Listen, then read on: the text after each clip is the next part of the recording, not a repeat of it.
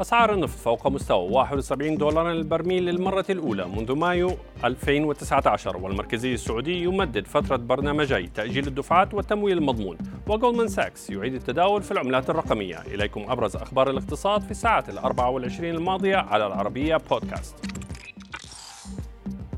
ارتفعت أسعار خام برنت فوق مستوى 71 دولار للبرميل مطلع جلسة الاثنين بعد محاولة للاعتداء على منشآت النفط في المملكة.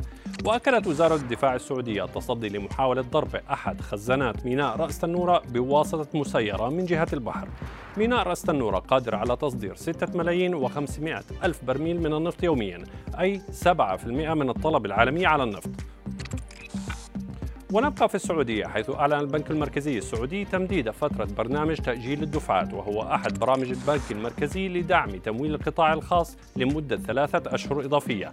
تنتهي نهاية يونيو المقبل وذلك للتخفيف من تداعيات فيروس كورونا. كما مدد المركزي فترة برنامج التمويل المضمون مدة عام إضافي حتى الرابع عشر من مارس عام 2022 دفع تزايد الطلب من المؤسسات المختلفة والعملاء. بنك الاستثمار جولمان ساكس إلى إعادة نشاط التداول في العملات المشفرة.